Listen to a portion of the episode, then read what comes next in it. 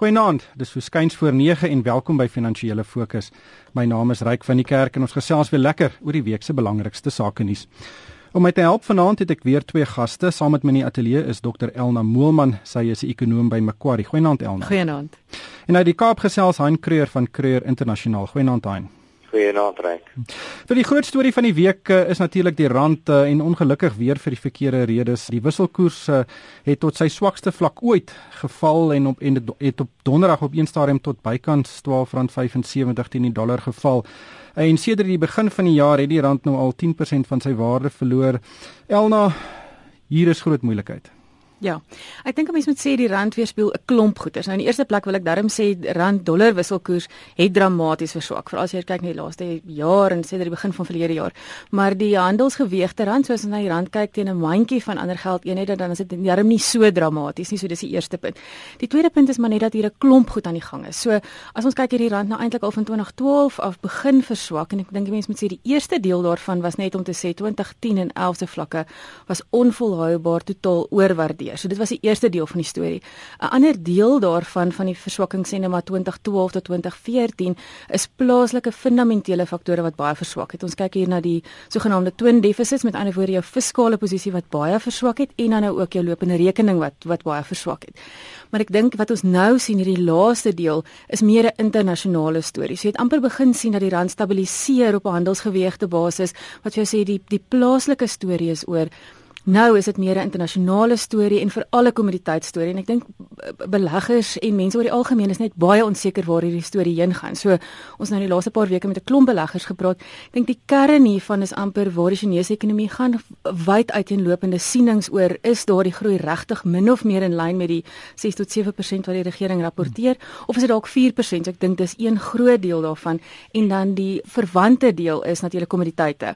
Chinese groei en vraag sal 'n impak daar hê, maar jy moet dan ook sê die aanbodkant moet aanpas en ek dink die aanbod aanpassings was op hierdie stadium nog nog teleurstellend geweest, stadiger as wat ons gedink het. Maar die groot rede is bly internasionale ontwikkelings. Hein, die laaste keer toe ons die rand gesien val het tot uh, hierdie vlakke was in 2001 en dit was met die dotcom barrel wat gebars het. Maar toe die rand se gat omgeswaai en vinnig weer verstewig, uh, dink jy die situasie kan homself herhaal?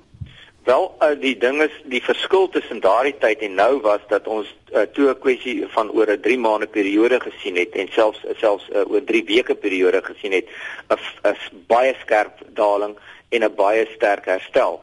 Terwyl ons hier nou uh, op 'n oor 'n 4 jaar periode, 4 5 jaar periode 'n stelselmatige verswakking sien van die rand.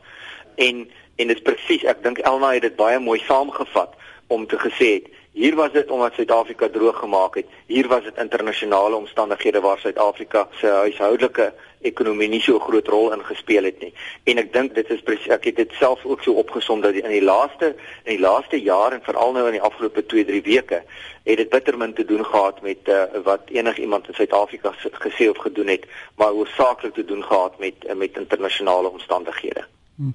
Wel dit bring ons by die belangrike weet onderwerp van die plaaslike ekonomiese gesondheid en uh, werkloosheidssyfer het Elna het hierdie week uitgekom.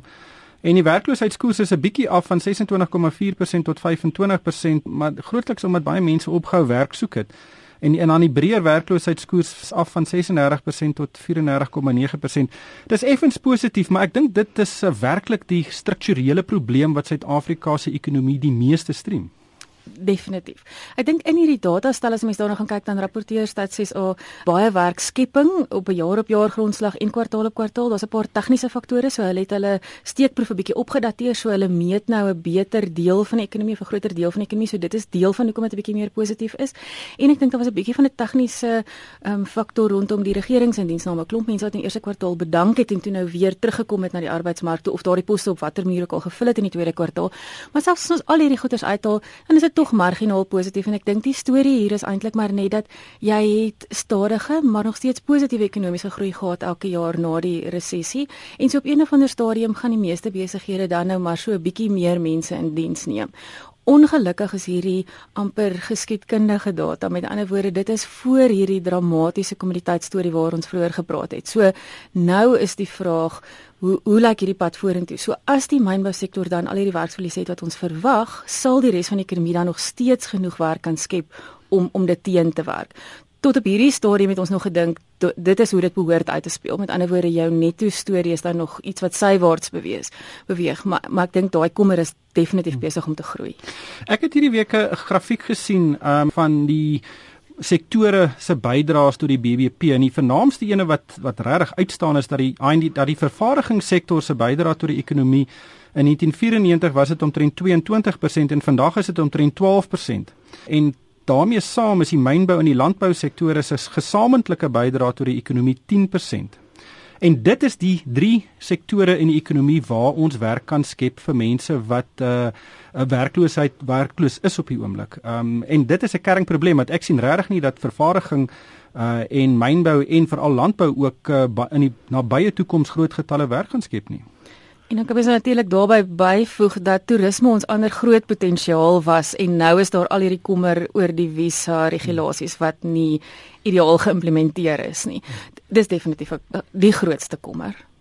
Wel, uh, uh, Ryk, ek dink 'n mens kan dit saamvat deur te sê dat as jy na elkeen van hierdie uh, punte kyk wat jy nou aangehaal het, dan is daar baie ernstige beleids- en beleidsimplementeringsfaktore van uh, van staatskant af by betrokke uh, en het dit 'n baie groot uh, invloed op op hierdie uh, negatiewe tendens wat ons hierso sien. Ehm um, en en ja, ons weet wat gedoen moet word van 'n sakekant af uh, en van en en en van 'n ekonomiese kant af om dit op te los, maar van 'n politieke kant af blyk dit is daar nie die wil nie en is uh, is daar geweldige tweespalt en versplintering uh, van politieke kant af binne in die regerende party en die geregerende alliansie veroorsaak dit dat ons in 'n negatiewe tendens is. Hmm. Wel dit niks verduidelik dit so mooi soos wat gebeur het hierdie week tussen Gueremantash en Marco Tofani nie.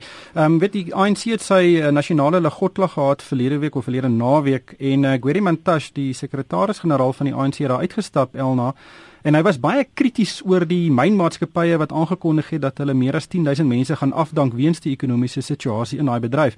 En Mantashe het gesê die myngroepe moet hulle self staal vir 'n sikliese afswaaie in die kommoditeitsektor sektor en nie net mense afdank as dit sleg gaan. Hulle moet voorberei daarop. En hulle het gesê die myngroepe is basies nie patrioties nie want hulle verstaan nie die sosiale gevolge daarvan as mense afgelê word nie. En Marco Tofani het toe teruggekom en gesê en hy het gesê weet die arbeidsomgewing maak dit so moeilik vir mense om mense af te lê dat of om mense in diens te neem nadat hulle afgelees dat dit regtig die enigste keuse is om op hierdie manier te herstruktureer dit is hy het 'n paar ander goed ook uitgelig en hy het gesê as hulle net meer buigsaamheid het in terme van die arbeidswetgewing in terme van hoe jy mense kan aanstel en hoeveel ure en watter ure en so voort dan dan beteken dit hulle het meer opsies om na te kyk. Op hierdie stadium maak jy daai deur toe so dit laat vir hulle baie min ruimte.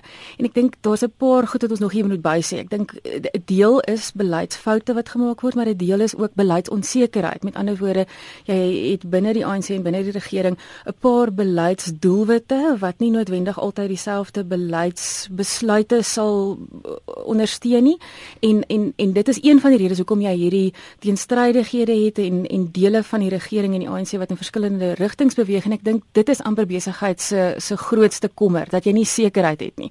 As jy weet wat die beleidsomgewing gaan wees vir die volgende 10 of 20 jaar, dan kan jy dit inprys en daarvolgens werk. Maar nou het ons redelik gereelde veranderings en ek dink dit is ook iets wat Kotofani uitgewys het as as een van die groot probleme vir hulle. Hi en dit wys ook uit hierdie geweldige wantroue tussen die regering en die private sektor. Ja, ek dink die wantroue uh, kom meer van van van van staatskant af as van uh, van die private sektor want ek dink die private sektor het 'n baie groter begrip van wat aan die staatskant aangaan en veral jou multinasjonale maatskappye wat dwars oor die wêreld met verskillende regeringsstelsels en regeringswerk uh, is daar 'n groter begrip. Maar uh, die ding is dat jy weet a om om om net na te, te verwys as siklies is 'n uit, uiterste oorvereenvoudiging van die van die situasie. Maar tweedens dat ehm um, dat meneer Mantas maak sy maak sy probleem probeer hy uh die van 'n uh, van 'n multinasjonale maatskappy maak wat geen uh, wat geen uh patriotisme het om aan te toon nie want sy patriotisme lê nie binne in Suid-Afrika nie dit lê wêreldwyd daar waar sy besighede is en sy patriotisme is eintlik teenoor sy aandeelhouers. En en uh en en trouens Kutefani het eintlik baie uh, toegeeflik uh, het hy het hy uh, meneer Montas aangespreek. Maar meneer Montas sit met 'n probleem en dit is hy sit met 'n arbeidsprobleem. Die arbeidsbeweging is besig om weg te breek van die van die uh, van die regerende alliansie af. Uh, en uh, en hy weet dat die mense het, het kla oor dienste vlakke van die van staatskant af uh, en hulle kyk na die regering en sê julle het aan ons beloftes gemaak julle hou nie by die beloftes nie en uh, en dit is vir meneer Mantashe 'n groot probleem en nou wil hy iemand anders moet sy probleem oplos. Hm. Maar Elna dis baie duidelik dat die die ANC en die regering se sosiale beleid op die oomblik dit werk nie. Uh ons die skip is besig om na 'n rotstoet te, te vaar en as ons nie nou begin draai nie gaan ons omtref. Ja, en en dis baie moeilik om te sien wat dit gaan verander. So ons hoop nou maar dat hulle nou besef ons is regtig by 'n krisispunt wat ons moet begin fokus op groei. En ek dink as mens kyk na die nasionale ontwikkelingsplan, daar's baie goeie goeters. Ek dink daar gebeur baie meer as wat meeste mense besef en ek dink die regering is oor die algemeen redelik gefokus daarop. Maar as 'n mens 'n lysie gaan saamstel van watter goed reeds geïmplementeer is, dan is die meeste van hulle nie noodwendig goeters wat groei positief is nie. Dit het een of ander ander doelwit um, waarop dit fokus. En ek dink dit is die grootste kommer. So van 'n besigheidsperspektief wil jy amper sê fokus op groei en ongelukkig dink ek die regering se aandag is baie keer op ander doelwitte. Hmm. Hein, ek wil 'n bietjie gesels oor China. Ehm um, met die aandelemark daar is besig om 'n baie interessante finansiële eksperiment te word. Hy's hierdie week weer skerp af ehm um, en uh, dit stuur 'n paar gevaarlike syne uit. Hoe lees jy wat daar aangaan? Ryk, ek dink dat uh jy weet as ons as ons praat van aandelemarkte dan uh dan raak markte te duur en dan is dit tyd om terug te trek en en daar word al 'n geruime tyd van 'n oorverhitte uh Chinese mark gepraat waar die Chinese mark uh, letterlik weggehardloop het van die van die res van die wêreld. Uh dan dit is bo op die die uh die vraagtekens wat maar altyd in die weste bly en dit is rapportering, uh voldoening uh, en die soort van dinge waar uh wat ook ek dink uh, besig is om maar 'n bietjie uh huis toe te kom en en sy eise te stel aan daardie mark. Maar weet een van die min suksesstories of positiewe stories van die afgelope 18 maande is die aandelebeurs. Uh nie net in Suid-Afrika nie, maar reg oor die wêreld ook. Ehm um, dink jy daar's 'n risiko wat begin insluip by aandelepryse? Weet is die risiko eerder afwaarts of of is daar nog ruimte vir nog groei? Ek dink daar is definitief 'n oorverhitte mark dwars deur die wêreld ryk. Ehm um, partymarkte is minder oorverhit as ander markte, maar dit dit is dit is duidelik as 'n mens gaan kyk na verdienste wat tog uiteindelik jou onderliggende uh, ding is waarna jy kyk om 'n prys te ondersteun. Is verdienste net nie heeltemal daar nie, dit is nie voldoende nie en en die pryse het verdienste uh, vir vir diskonteer uh, wat nie nou op hierdie stadium oor die kort en medium termyn uh, haalbaar lyk nie. En daarom moet pryse aanpas by die verdienste wat daar is dan eh, dan uh, buiten dit moet markte ook saamloop met die ekonomie waaraan hy opereer en uh, en die ekonomiese ondersteuning is net nie daar nie en veral in China.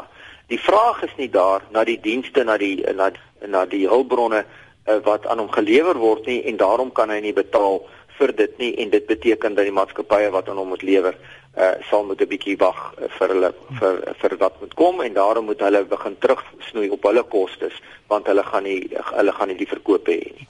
Elna ja, die hele wêreld kyk ook na die Amerikaners uh na Janet Yellen wanneer sy nou wel, nie wanneer nie, wel, nie of nie, maar wanneer sy haar rentekoerse gaan opstoot. Dit klink soos 'n 'n seentjie met 'n R20 in sy sak wat in 'n lekker goed winkel staan. Dit brand 'n regte gat in daai sak. Dit gaan gebeur vanjaar. Dit dit gaan 'n klein verhoging wees, uh maar die hele wêreld dink dit gaan 'n geweldige impak hê. Hoe lees jy daai situasie? Ja, dit is 'n groot debat in die mark oor veral ook wat die implikasies vir Suid-Afrika en vir die rand sal wees. So ons siening is dit gaan nie 'n geweldige groot impak wees nie. Ek dink jy kan wel ontwrigting rondom daardie besluit self sien. So die markte kan dan so 'n bietjie volatiel wees. Maar maar ons dink dit gaan 'n baie geleidelike siklus wees. Hulle is die hulle die markte baie wel baie goed voorberei daarvoor. So dit behoort tot 'n groot mate ingeprys te wees. En ek dink die sleutelpunt daar is net hulle het hulle self nou amper geforseer om iets te begin doen. Hulle kan dit nou nou meer veel langer uitstel nie, maar dit behoort dan nou net hierdie een verhoging vir nou te wees en dan 'n baie geleidelike siklus.